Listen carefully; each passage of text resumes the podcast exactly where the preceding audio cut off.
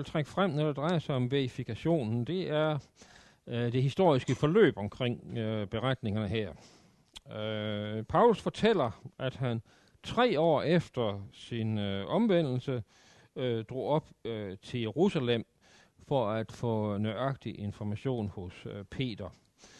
Og 14 år senere, siger han så, der drog han til, op til Jerusalem, og det vil sige, så er vi op omkring år 46, 47, 48 øh, eller 49, lidt afhængig af, hvordan øh, det skal forstås, de der talangivelser.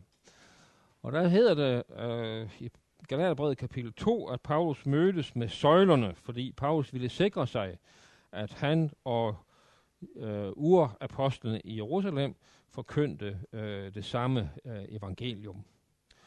Og Paulus konkluderer på det tidspunkt, altså der i slutningen af 40'erne, at han og de andre prædiker det samme øh, evangelium. Øh, det er jo en interessant oplysning, vi får der i Galaterbrevet kapitel 2. Fordi hvad er det for et evangelium? Jamen det er jo det, som Paulus jo så selv refererer til i 1. Korintherbrev kapitel 15, den vi har, tekst, vi har været inde på flere gange, nemlig budskabet om, at øh, Jesus øh, døde for vores synder efter skrifterne, at han blev begravet, og at han opstod fra de døde øh, tre dage efter, øh, efter skrifterne. Altså, Paulus sikrer sig altså der i år 48, 47, 49, at de er fælles om præcis det øh, evangelium. Så vi ved i hvert fald, at budskabet om Jesu opstandelse har været en vigtig del af evangeliet omkring år 50. Og vi ved, at Peter og Paulus var enige om det budskab øh, på det her tidspunkt. Så det var ikke bare en sær øh, interesse for nogen af dem, men Paulus sikrer sig altså, at apostlene er enige om det. Så det er i hvert fald ikke ifølge Paulus noget, som man senere har fundet på øh, op i slutningen af det første århundrede, eller i det andet århundrede, at Jesus skulle være opstået fra de døde. Vi har altså klart vidnesbyrd om, i hvert fald omkring år 50. Men som vi også vi var inde på, så citerer Paulus jo en tradition, som har de her aramæiske, eller semitiske, eller hebraiske øh, træk, øh, som ifølge en tysker, der hedder Joachim Jeremias, jo tyder på, at den tradition hedrører fra øh, Jerusalem. Hvis det er rigtigt, så er vi jo pludselig langt, langt tilbage. I hvert fald så citerer Paulus altså en tradition der i starten af 50'erne, som han selv siger, strækker sig tilbage, langt tilbage i tiden. Så det betyder i hvert fald, at vi kan sige omkring det historiske forløb, at troen på Jesu opstandelse, den har øh, været meget øh, gammel. Den har været der helt fra det tidligste budskab, øh, tidligste tid. Og her ser jeg jo altså bort fra evangelierne, fordi vi jo ikke sådan kan være helt sikre på deres historiske øh, placering, altså deres øh, tidslige placering, hvor, hvornår er de skrevet. Men går vi uden om evangelierne og ser på, hvad Paulus øh, bevidner, så er det påfaldende, så langt tilbage i tiden vi kommer, når det drejer sig om øh, Jesu opstandelse. For det tredje, så er det jo interessant, at vi ikke har nogen afledning af opstandelsestroen i den antikke jødedom, eller det andet tempels jødedom, eller hvordan vi nu vil øh, formulere det. Altså, Jesu opstandelse var det helt uventede i forhold til den antikke jødedom. Fordi ingen jøde troede jo, at Messias skulle opstå fra de døde. Og det var jo klart, fordi der var ingen, der troede, at Messias skulle dø. Så skulle han naturligvis heller ikke opstå fra de døde. Så selve budskabet om, øh, at, øh, øh at Jesus er opstået fra de døde, er altså ikke en tanke, som man så siger har hentet i samtiden, og man så har kristianiseret, og så bekender man, at øh, Jesus nu er den messias, som er opstået fra de døde. Nej, altså man bevægede sig i øh, for proklamationen af Jesu opstandelse fra de døde, altså væk fra en klassisk, antik jødisk øh, opstandelsestro.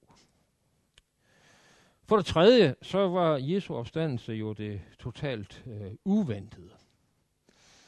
Øh, selvom Jesus havde forudsagt sin øh, opstandelse fra de døde, så kom opstandelsen alligevel bag på øh, disciplene. De havde svært ved at tro øh, kvinderne, som fortalte om den tomme grav. Øh, de blev taget på sengen. De lukkede sig ind bag øh, låste døre af frygt for overgreb.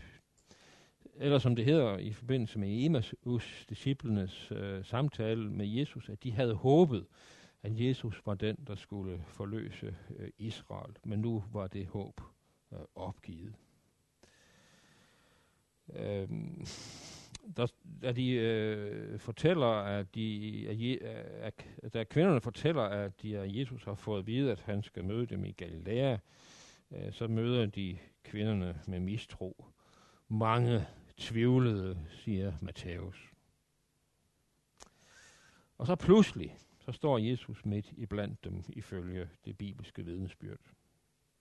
De havde været handlingslammede, men nu øh, for, proklamerede de altså Jesu opstandelse fra de døde. Så Jesu opstandelse var ikke, øh, så at sige, en direkte følge af deres øh, forestillinger. Tværtimod, så øh, kom det helt bag på dem, at Jesus skulle opstå fra de døde. Så vi har altså næsten et dobbelt under her, både at Jesus opstår fra de døde, men også at øh, de første kristne kom til at tro på Jesu opstandelse. For det femte, så hæfter vi også ved, at der ikke blev en ny leder af Jesusbevægelsen. Øh, der var jo mange messianske bevægelser i øh, Palæstina øh, i den her periode. Og øh, typisk så fangede romerne jo de her messianske skikkelser og henrettede dem, og så opstår der en ny leder, og, øh, og så sker det samme igen. Men altså, når en øh, leder bliver fjernet, så kommer der typisk en ny leder for bevægelsen. Men det er jo ganske ejendommeligt, at det ikke sker med den kristne Jesusbevægelse. Hvorfor kommer der ikke en ny leder? Hvor bliver den nye leder af? For det sjette, så får vi ingen helligholdelse af Jesu grav.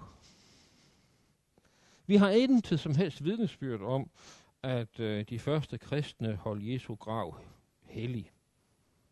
Der er ikke i apostlenes skærninger, eller hos Paulus, eller i Nytestamentet i det hele taget, eller hos de apostolske fædre, altså den ældste kirkefædrelitteratur, der er ikke noget som helst indicium for, at de første kristne hellig gjorde Jesu grav.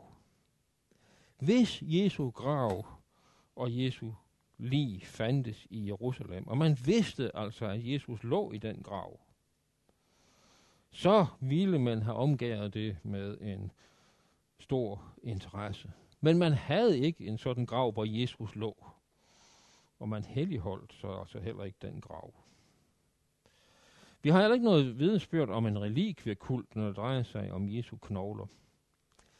Uh, biskop Ignatius, som skrev omkring år 105-10, uh, øh, skriver nogle breve på vej til uh, martyriet i Rom. Han er biskop i Antiochia og bliver ført uh, i fangenskab fra Rom, med fra Antiochia i Syrien til Rom, og på den rejse skriver han nogle breve.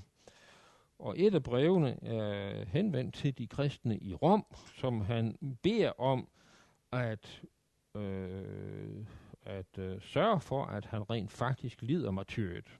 Han siger, at det kan godt ske, at når jeg kommer og ser løverne, at jeg bliver svag i koderne, men lyt ikke til mig, hvis jeg beder om hjælp, for jeg ønsker at være martyr.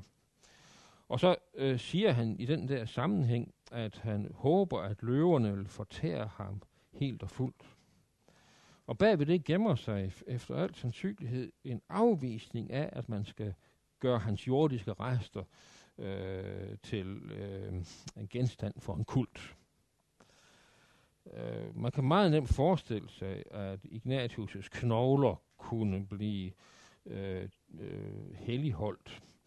Og i hvert fald Jesu knogler ville vel have været øh, genstand for en sådan kult, hvis man havde haft øh, sådanne øh, knogler. Men vi har intet indicium for, at der skulle findes en sådan kult, og øh, vi har heller ikke nogen indicium for, at man har helligholdt øh, Jesu øh, grav. Det syvende verifikation er, at man meget tidligt øh, holdt skiftede gudstjenestedagen fra sabbaten til søndagen.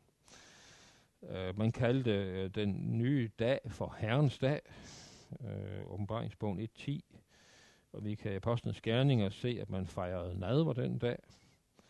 Uh, man uh, foretog indsamling til de fattige i Jerusalem i Korinth. Uh, altså i Korinth foretog man den indsamling til de fattige i Jerusalem uh, på uh, den dag.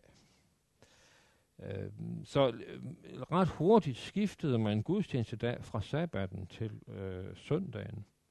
I starten, der gjorde man det jo om natten, og simpelthen fordi man ikke havde fri fra arbejde øh, på søndagen, så man samledes om natten og oplevede så øh, morgensolen som en proklamation af, at lyset skal sejre over mørket at Jesus er den lysende morgenstjerne og så videre. Så det hele den der symbolik med mørket, der bliver besejret af lyset, det oplevede de første kristne helt konkret med øh, de her øh, gudstjenester øh, om natten.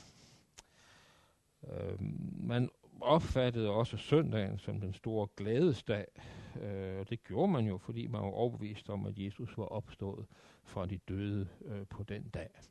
Så det, at man altså skifter fra sabbat til øh, søndag som gudstjenestedag, det er jo endnu en, en, en form for verifikation af øh, troen på øh, Jesu opstandelse øh, fra de døde.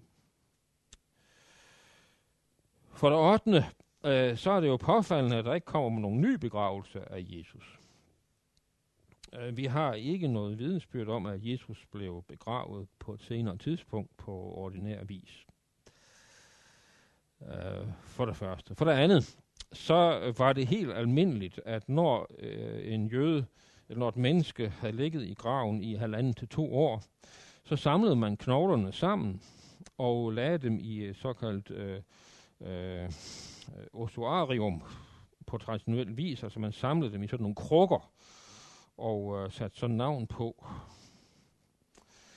Tænker man sig, at det også øh, er sket med Jesu knogler, så betyder det altså, at man har samlet disse knogler sammen en to, et par år efter Jesu død. Det vil sige, at i den periode, hvor øh, vi havde denne øh, menighed i Jerusalem, der proklamerede, at Jesus er opstået fra de døde, og øh, Peter, der har proklameret, at hans lægeme ikke skal se øh, forrådnelse. Det er jo uhyre vanskeligt for os at forestille sig, at man altså har begravet Jesu knogler, øh, og samtidig har stået frem over for menigheden, over for øh, den almindelige befolkning, over for myndighederne, og har samtidig påstå, at Jesus er opstået fra de døde. Det er simpelthen øh, så vanskeligt at forestille sig. Øh, det er, en kendt, det er påfaldende, at vi altså ikke har nogen vidnesbyrd om en ny øh, begravelse øh, af Jesus. Og så for den 9. så øh, er det altså også værd at lægge mærke til, at Jesu opstandelse indgik i menighedens forkyndelse helt fra den spæde øh, begyndelse. Det var ikke noget, der efterhånden øh, udviklede sig, det har vi været inde på, men det er der øh, endnu en verifikation. Så jeg mener, der er en lang række øh, former for verifikation, der kan bekræfte den tolkning af data, at Jesus faktisk opstod øh, fra de døde på øh, tredje dagen. Øh, men det fører jo så også med sig, at der skal tages stilling til øh, falsifikation. Falsifikationen, altså er der ikke andre tolkninger af de her data, som er lige så øh, sandsynlige? Og det er klart, vi kan jo ikke her gå i øh, detaljer med alle de forskellige tolkninger, der er, men jeg vil øh, nævne øh, nogle stykker.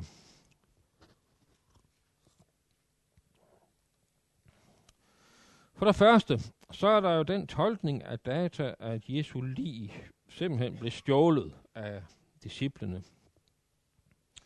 Disciplene stjal Jesu lig og gemte det bort, for bagefter at proklamere, at Jesus er opstået fra de døde. Er det en rimelig og sandsynlig tolkning af de data, vi har? Data altså med den tomme grav til synekomsterne og troen på Jesu opstandelse fra de døde.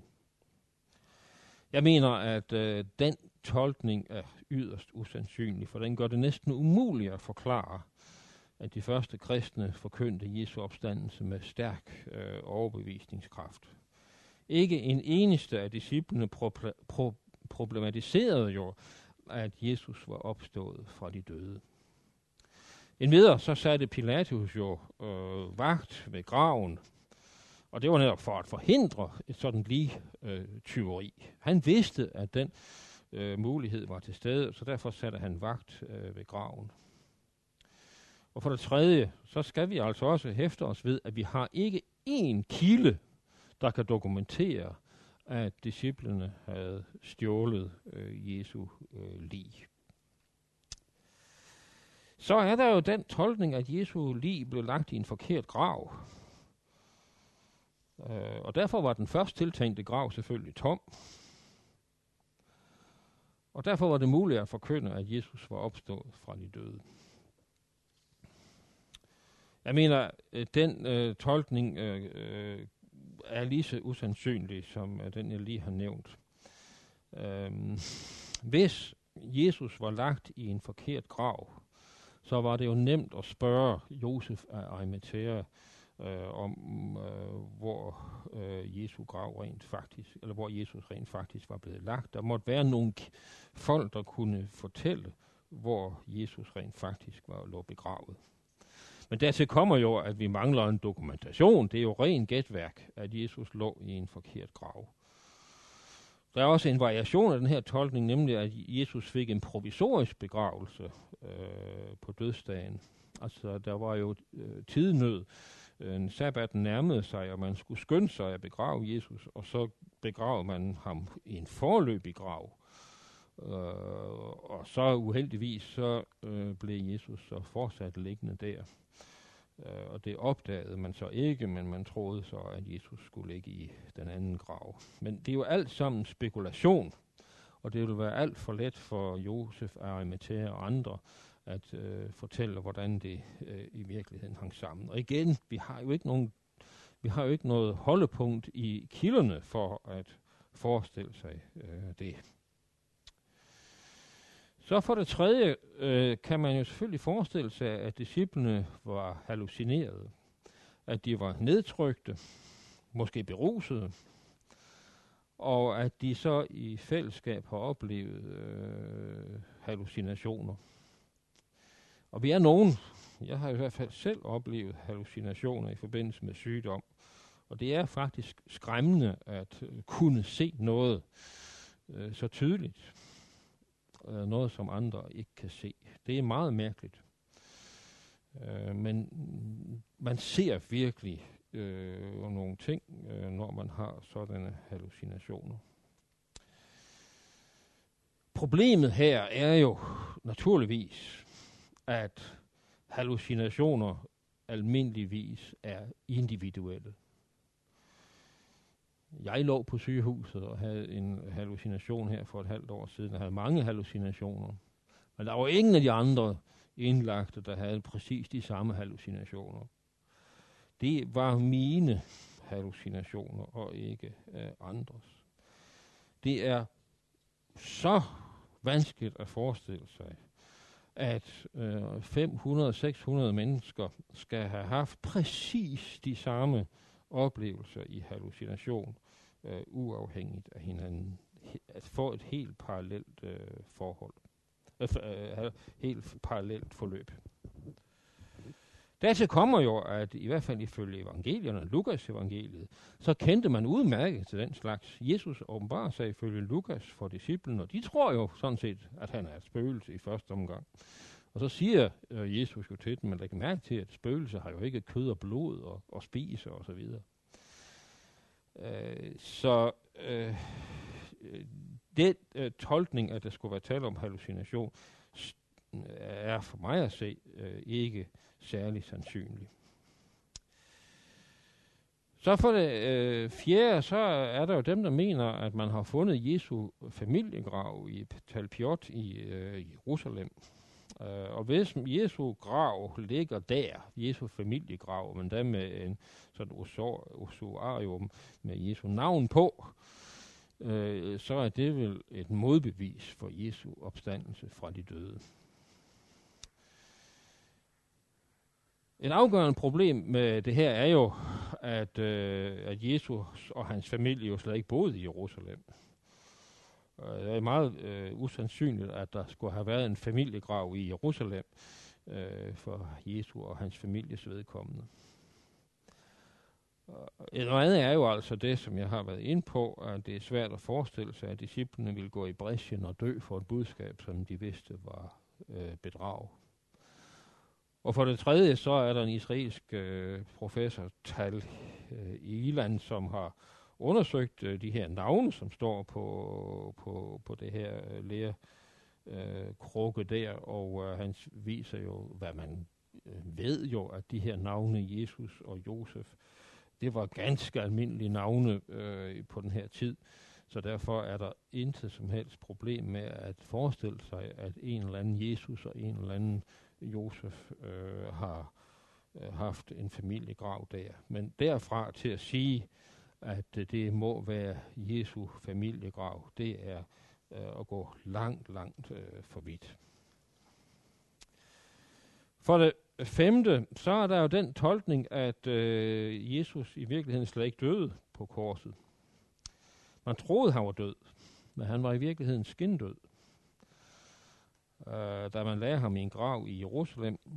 Senere vågnede Jesus op og gik ud af graven. Og så troede man, at han var opstået fra de døde. Øh, det, der i virkeligheden skete, var, at Jesus var kommet til bevidsthed. Hvad skal vi sige til den tolkning, som øh, jo også bliver forsvaret af for eksempel nogle tyske teologer? Det kan vi vende tilbage til. Det mener jeg, det er en højst usandsynlig hypotese. Uh, for det første så uh, skildrer den jo Jesus som en bedrager. Jesus han havde uh, omtalt en opstandelse fra de døde, og det er jo så rent blændværk, hvis han i virkeligheden bare var kommet til bevidsthed. Uh, for det uh, andet, så er det meget usandsynligt, at romerske soldater ville øh, risikere, at en dødsdømt fange ikke faktisk var død. Det var jo netop en af de, de, en opgave for disse soldater øh, ved korsfæstelsen, at de skulle sikre sig, at de dødsdømte faktisk øh, døde. Og her var Jesu korsfæstelse jo ikke nogen undtagelse. Som en svensker siger, at man fornedrede dem ihjel. Ikke? Det var jo det, der var korsfæstelsens mening, at fornedre fangerne ihjel. Og det galt jo naturligvis også øh, Jesus. Så det ville have været et kæmpe problem for de romerske soldater, hvis øh, Jesus i virkeligheden slet ikke var død. Men for det tredje, så må Jesus jo i givet fald have levet videre som en ganske almindelig menneske, for siden at dø og blive begravet et andet sted. Men vi har jo ikke et vidnesbyrd om, at Jesus altså øh, levede videre efter sin død, eller sin skindød. Vi, vi har intet vidnesbyrd om det, så når det drejer sig om øh, kilderne her, ikke, så, øh, så er der ikke basis for at øh, ty til den øh, tolkning. Noget andet er jo, at de første kristne jo var klare i deres vidnesbyrd om, at Jesus døde for vores sønder. Jesus døde for vores sønder. Det er jo en vidnesbyrd, som vi finder i Nye Testamente fra den tidligste tid. Og hvordan skulle man dog forkynde et sådan budskab, at Jesus døde for vores sønder, hvis han i virkeligheden bare var skindød for vores sønder? Og det samme gælder jo med Jesu opstandelse. Det er en gåde, hvordan man kan øh, udbrede en sådan øh, øh, proklamation af Jesu opstandelse fra de døde, hvis de vidste, at han i virkeligheden bare var kommet til bevidsthed. Vi har ikke en, der røber den, øh, der ligesom afslører øh, den virkelighed.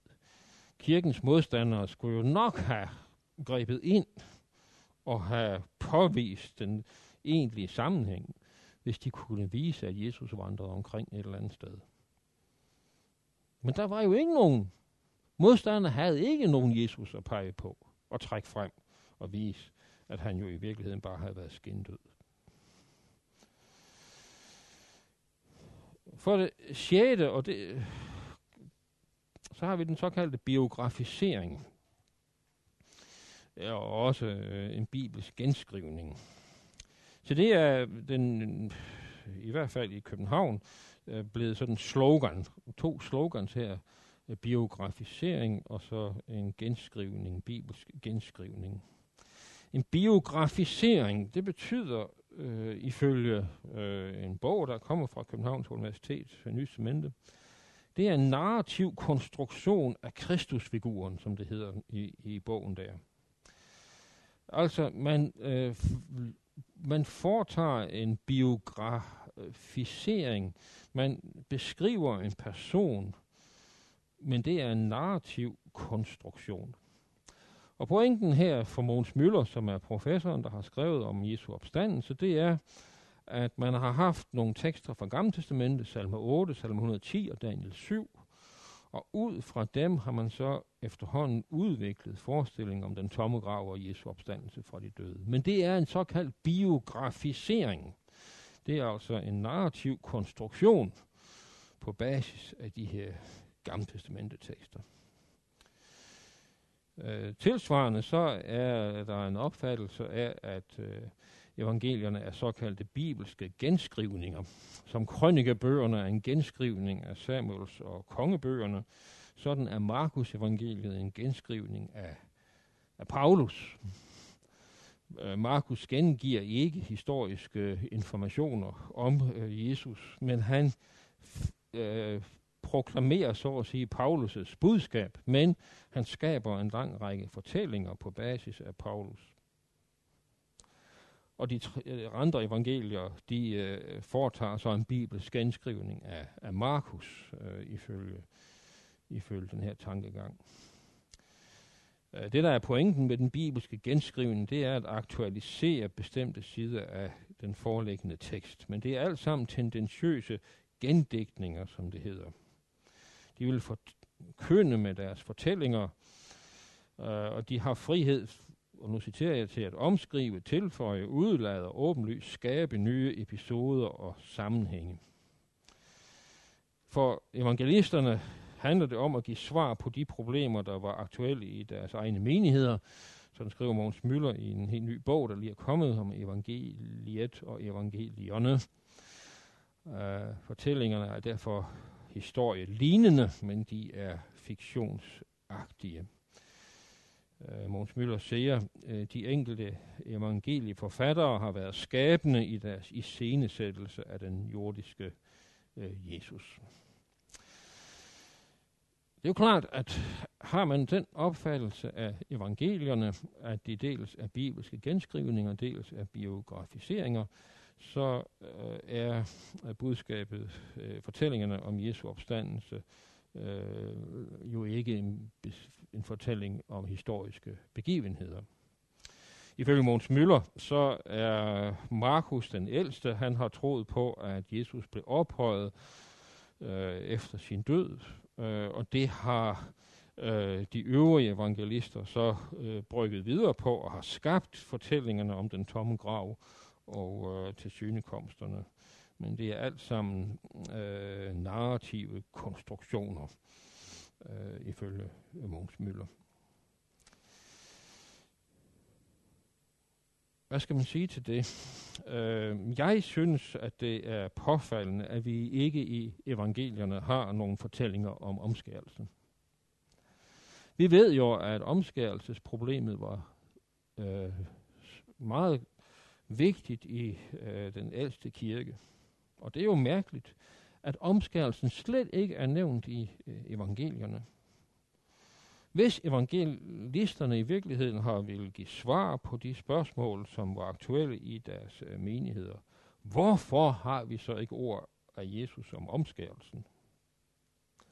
Jeg mener, den sandsynligste forklaring på, at evangelierne mangler ord af Jesus om omskærelsen, det er jo, at der rent faktisk ikke var nogen ord af Jesus om det. Og omvendt, Jesus omtalte sig selv som menneskesønnen igen og igen. Det spiller en vigtig rolle i evangelierne, især i øh, de tre første evangelier. Men tydeligvis ikke i øvrigt i Nyt Testamentet. Paulus omtaler jo stort set ikke Jesus på den måde, hvis han overhovedet gør. Og vi har det en lille smule i øh, åbenbaringsbogen, men ellers er menneskesønstitlen jo øh, perifer i øh, Nytestamentet i øvrigt. Men vi har det i evangelierne. Og det er jo dog påfaldende, at vi har det i evangelierne, ikke i øvrigt i Nytestamentet. Er det ikke et vidnesbyrd om, at man jo faktisk har været tro over for Jesu egne ord, selvom man ikke selv brugte øh, betegnelsen menneskesønnen om Jesus. For mig at se, så har evangelisterne været optaget af, hvad Jesus faktisk sagde og gjorde. Man er selvfølgelig optaget af at svare på spørgsmål i sin egen samtid, men sådan nogle eksempler her viser jo, at man ikke bare konstruerede ord af Jesus for at svare på sin samtids problemer. Jeg mener, det er udokumenteret, at evangelisterne og de første kristne var fuldstændig uinteresserede i, hvad Jesus faktisk havde sagt og gjort. Uh, man må i hvert fald undre sig over, at man tog sig den ulejlighed at fortælle, uh, de, altså at, at skabe de fire evangelier, hvis det var så fuldstændig uinteressant, hvad Jesus faktisk sagde og gjorde. Dertil kommer jo, at i 1. Korintherbrev kapitel 7, der har vi en øh, beskrivelse om ægteskab. Og der siger Paulus i en forbindelse, at han har et ord af Herren om skilsmisse. Og vi kan genfinde det ord af Herren øh, i evangelierne. Men når det så handler om blandede ægteskaber, så siger Paulus, her har jeg ikke et ord af Herren. Og så øh, kommer Paulus med et bud med sin apostolske autoritet. Men Paulus konstruerer altså ikke der i 1. Korinther kapitel 7 et ord af Jesus om de blandede ægteskaber, altså mellem en kristen og en ikke-kristen. Altså han finder ikke på at skabe et ord af Jesus for nu og i møde, øh, for at svare på det spørgsmål, som er rejst øh, i Korinth. Paulus respekterer altså, at han mangler et ord af Jesus om det, og så skaber han bare ikke noget nyt. Senere så giver Paulus udtryk for, at han synes, det er bedst at være ugift, og der siger han klart, at det er et råd, han har. Øh, det er ikke et befaling, og han har da slet ikke noget ord af Jesus om den sag. Han kunne jo sådan set godt have, have altså det ville have været rigtig stærkt for ham, hvis han havde på en eller anden måde kunne skabe et ord af Jesus om det. Øh, når det drejer sig om den såkaldte biografisering, så må man jo undre sig over, at øh, Gammeltestamentet er så tilbagetrædende i evangeliernes opstandelseshistorie. Hvis det er rigtigt, at vi har at gøre med en biografisering på basis af GT, så må vi jo undre os over, at Gammeltestamentet næsten ikke spiller nogen rolle for øh, evangeliernes fortælling om Jesu opstandelse. Øh, det er jo så tydeligt, så tydeligt, at når det drejer sig om Jesu lidelse og død, så øh, henvises der igen og igen til Gamle Testamentet. Dette skete for, at det skulle gå i opfyldelse, som er talt med profeten osv. Altså, der spiller Jesu, øh, der spiller Gamle Testamentet jo en vigtig rolle. Men mærkeligt nok ikke, når det drejer sig om Jesu opstandelse. Så jeg synes i høj grad, det er noget af en nødløsning at sige, at evangeliernes opstandelsesberetninger er at forstå som en biografisering på basis af Gamle Testamentet. Ja. Hvilke teorier kan falsificere den tolkning af data, at Jesus i virkeligheden slet ikke er opstået fra de døde? Jeg øh, kan ikke se anderledes, end at den klassiske tro, at Jesus opstod fra de døde, er den tolkning, som er mest sandsyn, den mest sandsynlige tolkning af de data, vi har. Uanset hvilken anden forklaring, vi forsøger at give på de data, vi har, så ender vi for mig at se i øh, en blindgyde. Så Jesu opstandelse, den kan ikke bevises. Øh, en, matematiker kan bevise, at 2 og 2 er 4. Øh, eller måske noget mere avanceret end lige det. Uh, det kan man bevise. Men en historiker kan ikke bevise, at en begivenhed er rigtigt tolket. Det kan vi ikke bevise. Vi kan nøjes med en høj grad af sandsynlighed. Nu har vi lige i øh, tv set Ole Bornedals filmatisering af begivenheden omkring 1864. Og her har vi jo et godt eksempel på en lang række data, som har, er der, fordi der er en lang række data om 1864. Så får vi hos Ole Bornedal en bestemt tolkning af disse data, for eksempel vedrørende Monrad. Var Monrad så aparte, som Ole Bornedal lader øh, os forstå? Jamen, det er åben for tolkning. Så selv en begivenhed som 1864, den, der har vi en række data, som skal tolkes. Og historikerne er altså uenige om tolkningen af data, når det drejer sig om 1864. Vi er ikke spor anderledes stillet, når det drejer sig om uh, Jesu opstandelse. Det kan vi ikke bevise. Her kan er vi ud i sandsynligheder. Øh, og derfor må vi også sige, at de første modstandere af det kristne budskab, de var jo ikke idioter og tåber, der ikke ville lade sig overbevise af beviser. Men de var vantro, som øh, ikke ville Øh, der ikke ville stole på budskabet om Jesu øh, opstandelse. Og som sagt, vi har tre sæt data, når det drejer sig om Jesu opstandelse, den tomme grav, til synekomsterne, og så disciplenes tro på Jesu opstandelse fra de døde. Øh, jeg mener, at den tolkning af disse data, som bedst forklarer dem, det er, at Jesus faktisk øh, opstod fra de døde. Der, det kan verificeres med en hel del af det, jeg har været inde på, og øh, de falsificeringsforsøg, som øh, er gjort, det mener jeg ikke øh, er plausible. Og derfor mener jeg altså, at øh, den forklaring, der rummer de færreste vanskeligheder, det er, at Jesus faktisk opstod øh, fra de døde.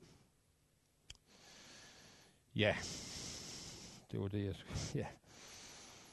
Så øh, Jesus døde, prøv at se her fra 1500, øh, et fantastisk stærkt øh, illustration af Jesus som den, der, der er død. Og, og, og vi har masser af øh, opstandelses øh, kalkmalerier, øh, og for eksempel om Jesus, der sejrer her. Ja, men øh, vi er kommet til et punktum her for mit vedkommende, og øh, så øh, vil jeg gerne høre, om der er nogen, der har noget reaktioner på det her. Til ligeklædet. Og oh, det har jeg ikke, øh, altså det er i Torino, ikke også? Øh, ja. Jeg har ikke selv set Ja.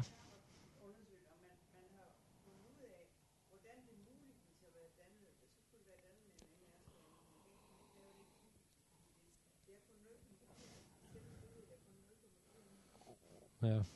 ja. Jeg tør ikke sige det. Jeg ved det simpelthen ikke. Jeg har ikke... Øh... Ja. Hmm. Okay. Okay. Ja. Ja, men altså, øh, når jeg ikke tog det frem, så er det fordi, jeg, jeg ved simpelthen for lidt om det der. Ja, ja.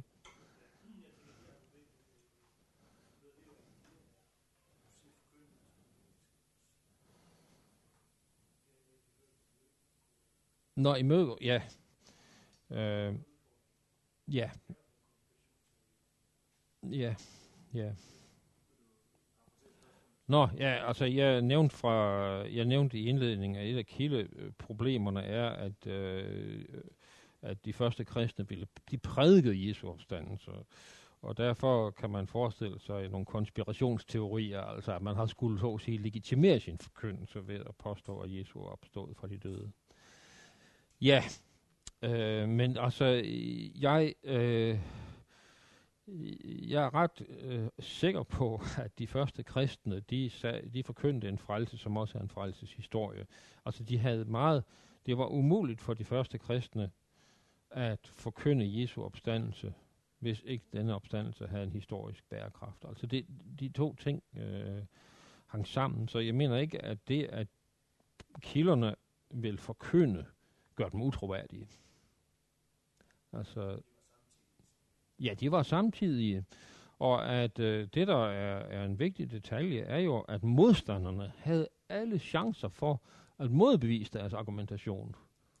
Altså det, det er det, der øh, slår mig, det er jo, øh, modstanderne, det, ofte så, så, så er modstandernes øh, argumentation jo ret så sigende, ikke også? For hvad, hvilke argumenter har modstanderne? Og kirken havde stærke modstandere. Der var jo også forfølgelse af de kristne i starten. Ikke? Det ville være så oplagt at modbevise Jesu opstandelse, hvis man kunne det. Men hvor har vi det? Øh, grækerne Paulus han siger, at jeg forkynder Kristus øh, for, for, for grækere en tåbelighed, og for jøder en, noget, der bringer til fald. Ikke? Øh, så, så både fra jødisk og græsk side var der en voldsom modstand imod forkyndelsen af evangeliet, men det de ikke gjorde, det var jo at modbevise, at Jesus var opstået fra de døde. Jeg, jeg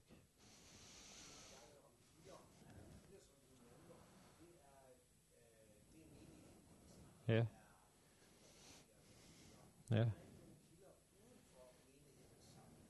Ja.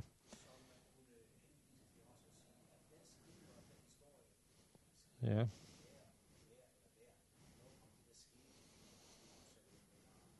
Ja. Øhm, vi har øh, i hvert fald tre kilder uden for de kristne, som er meget gamle. Vi har to romerske kilder, en øh, Tacitus og en, der hedder Sveton. Og øh, Sveton, han øh, refererer i øh, øh, en begivenhed der i starten af 50'erne, hvor det hedder, at, øh, øh, at kristne bliver fordrevet fra Rom på grund af en vis, og så siger han Kristus, med E i stedet for I, Kristus. Og der er almindelig enighed om, at han forveksler øh, øh Kristus, som bare et almindeligt navn, med Kristus. Ikke? Øh, så der har vi en romersk historieskriver, der siger det, men han nævner jo ikke der noget om Jesu opstandelse. Det samme gælder Sveton. Øh, uh, Josefus uh, øh, har nogle uh, ord om, uh, om, uh, om Jesus uh, i, i sin uh, i sine, han, har, altså han har jo dels skrevet om den jødiske krig og om øh, jødernes historie, og så har han skrevet et forsvarsskrift mod en, der hed Apion, der forfulgte jøderne.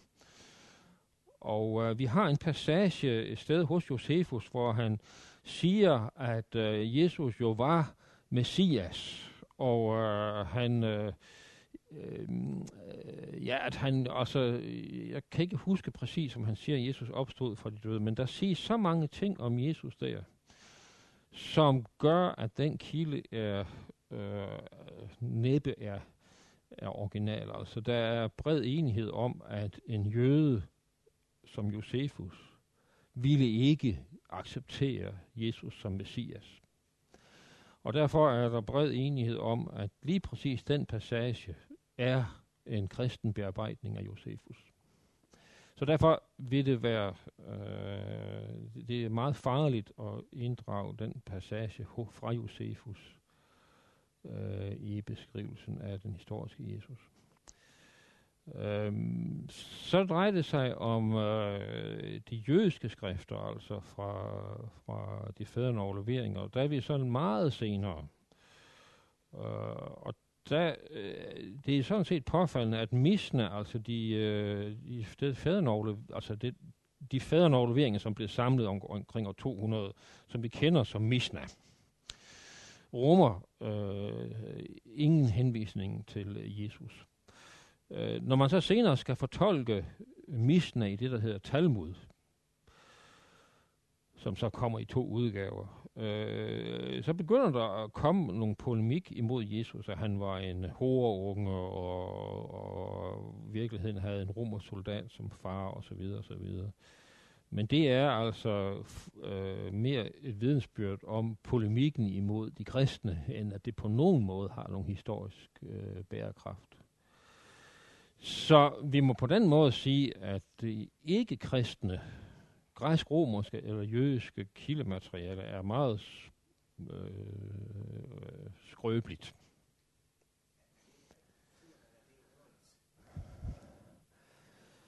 vi skal jo huske på, at øh, vi har at gøre med en, øh, vi har at gøre med et lille bitte hjørne af romeriet, ikke også? Altså, øh, øh, romerne sad jo på hele magten, fra, altså, de sad jo øh, på magten helt op til nærmest til Skotland, ikke? Øh, og så hele vejen ned, hele det her område. Øh, så øh, den jødiske krig i år 70, da man sejrede over jøderne, det vagte jo en kæmpe stor øh, opmærksomhed i romeriet, og man byggede jo Titusbuen i Rom og så videre med illustrationer af, af, af menoraen, som man bærer afsted med og så videre. Øh, men vi må nok erkende, at øh, det har ikke, at, at Jesus levede og virkede, det har ikke slået igennem altså i de, øh, hos de romerske historieskrivere. Vi kan jo selvfølgelig bagefter så kan vi jo undre os over det, fordi det, det kom til at betyde så meget. Men i situationen der, der var det jo ude i et hjørne af Romeriet, at de her ting foregik. Ja.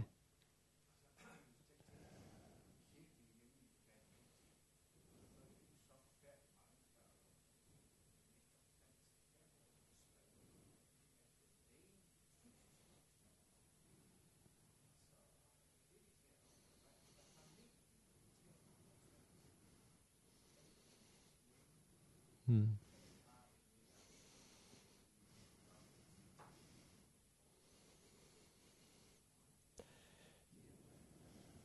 Ja, der, der, der,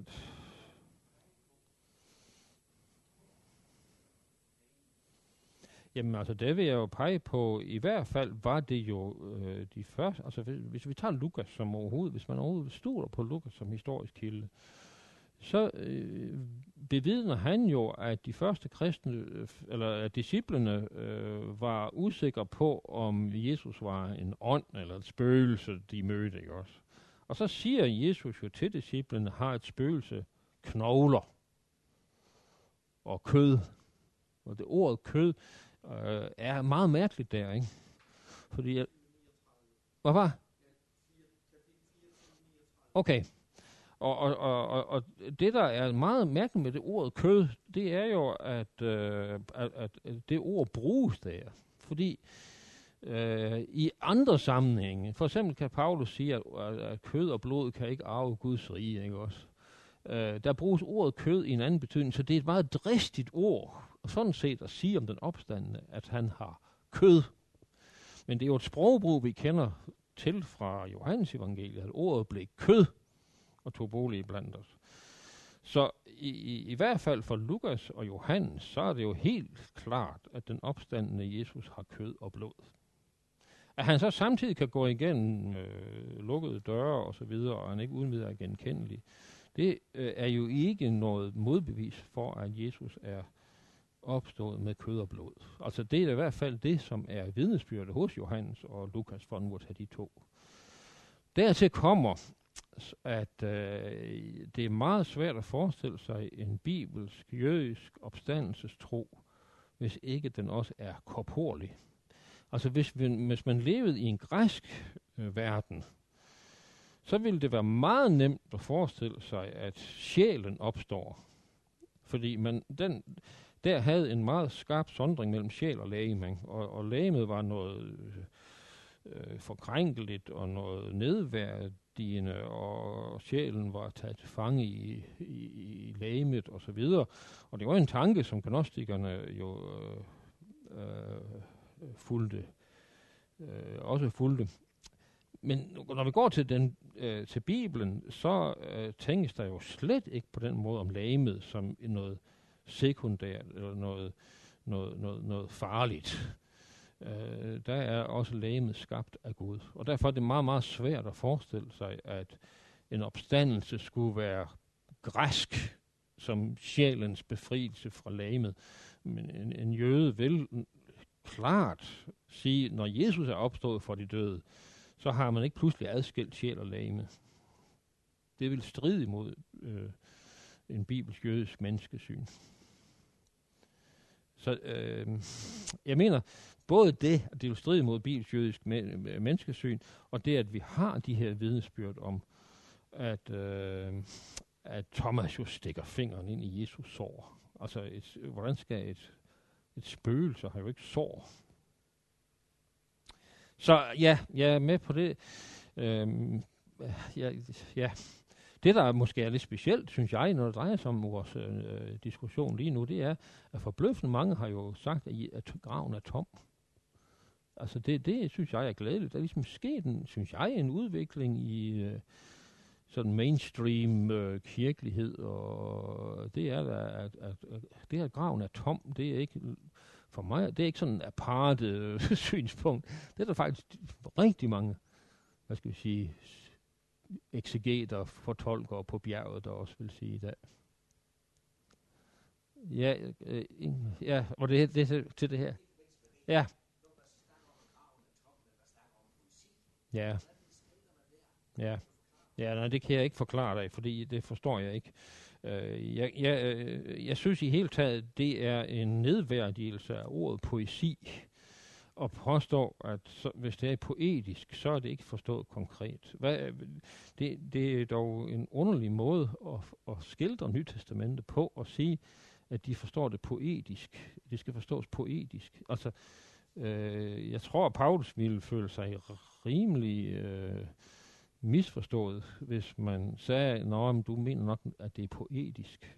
Altså, øh, det er som om, når det er poetisk, så er det ikke længere historisk. Det kan vi ikke... Øh, altså det, ja, den kunne jeg også godt have taget frem som en, en nødløsning, for jeg virkelig, mener virkelig, det er en øh, nødløsning at påstå, at øh, vi skal se poetisk på det her. Ja, jeg ved ikke rigtig, om jeg kan...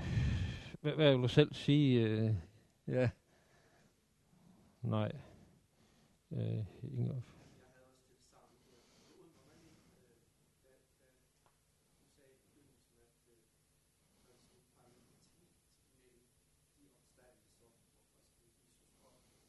Hmm.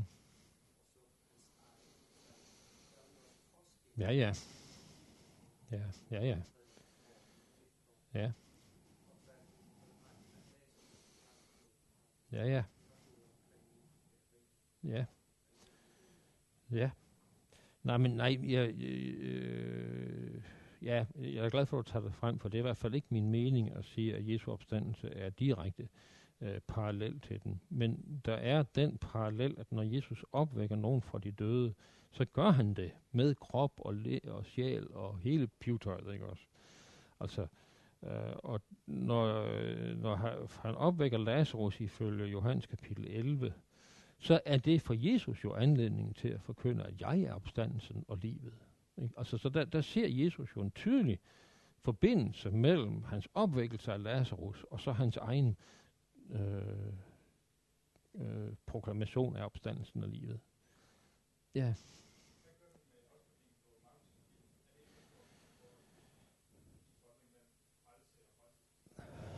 Nej, Øh, det er mærkeligt, sådan som den oprindelige Markus øh, stopper med, at bare at, at kvinderne øh, øh, tager afsted, og så er bange, ikke også, og så slutter det. Det er meget mærkeligt. Og jeg ved simpelthen ikke, øh, det, det er meget øh, underligt. Øh, vi kan jo bare sige, at, at, at, øh, at Markus jo øh, har i hvert fald budskabet om den tomme grav og længere når Markus jo ikke øh, i den oprindelige udgave, altså. Øhm, ja.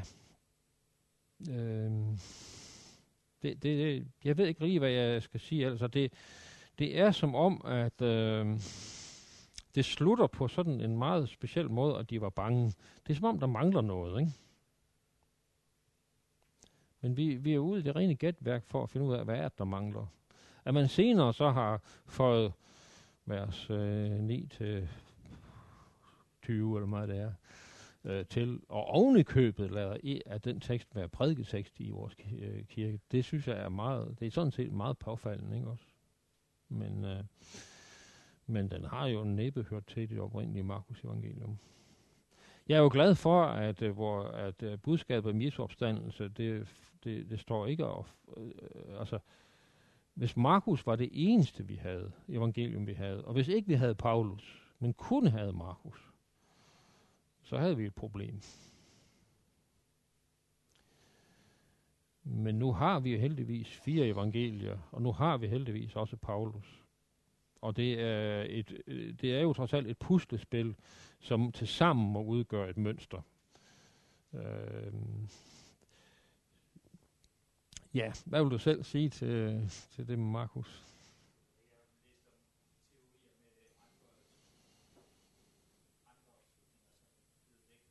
Ja. Ja. Ja. Ja, ja.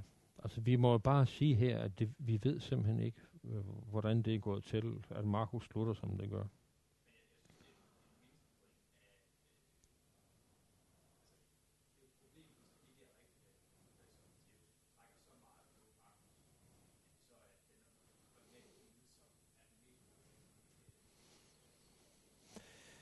Ja, øh, det, der er jo ingen tvivl om, for mig, for mig at se, er der ingen tvivl om, at, at Markus øh, er blevet brugt af Matthæus og Lukas.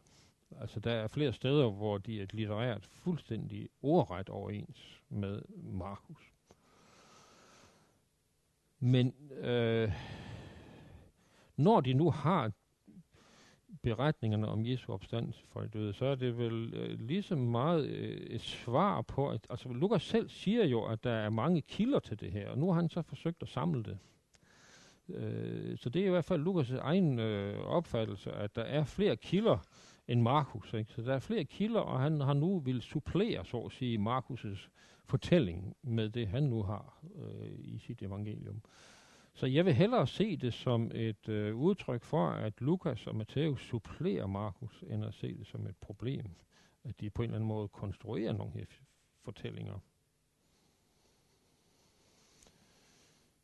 Ja, altså det, det, det samme gælder jo Johannes. Altså man kan jo godt se, jo, altså når Johannes for eksempel ikke har nogen beskrivelse af, af Jesus, der indstifter nadveren, eller Øh, mange af Jesu under og, og så videre, øh, så kan man i hvert fald, synes jeg med god grund, se Johannes som et supplement til øh, de tre første evangelier, snarere end som et alternativ til dem. Og der vil jeg så igen sige, at når vi taler om kildematerialet her til Jesu opstandelse fra de døde, så er det jo kilderne samlet. Altså, det står ikke og falder med et enkelt, men det er det, det billede, som de her kilder til sammen viser os. Og det er jo et puslespil at sætte de kilder sammen. Øh, men det vil være forkert af os at, at, at, at, at, ligesom at sige, øh, der er en kilde, som, som bestemmer alle de andre. Jamen, øh, ja, det er jo dig, der er chefen her, så det er jo dig, der bestemmer. Okay. ja. Tak.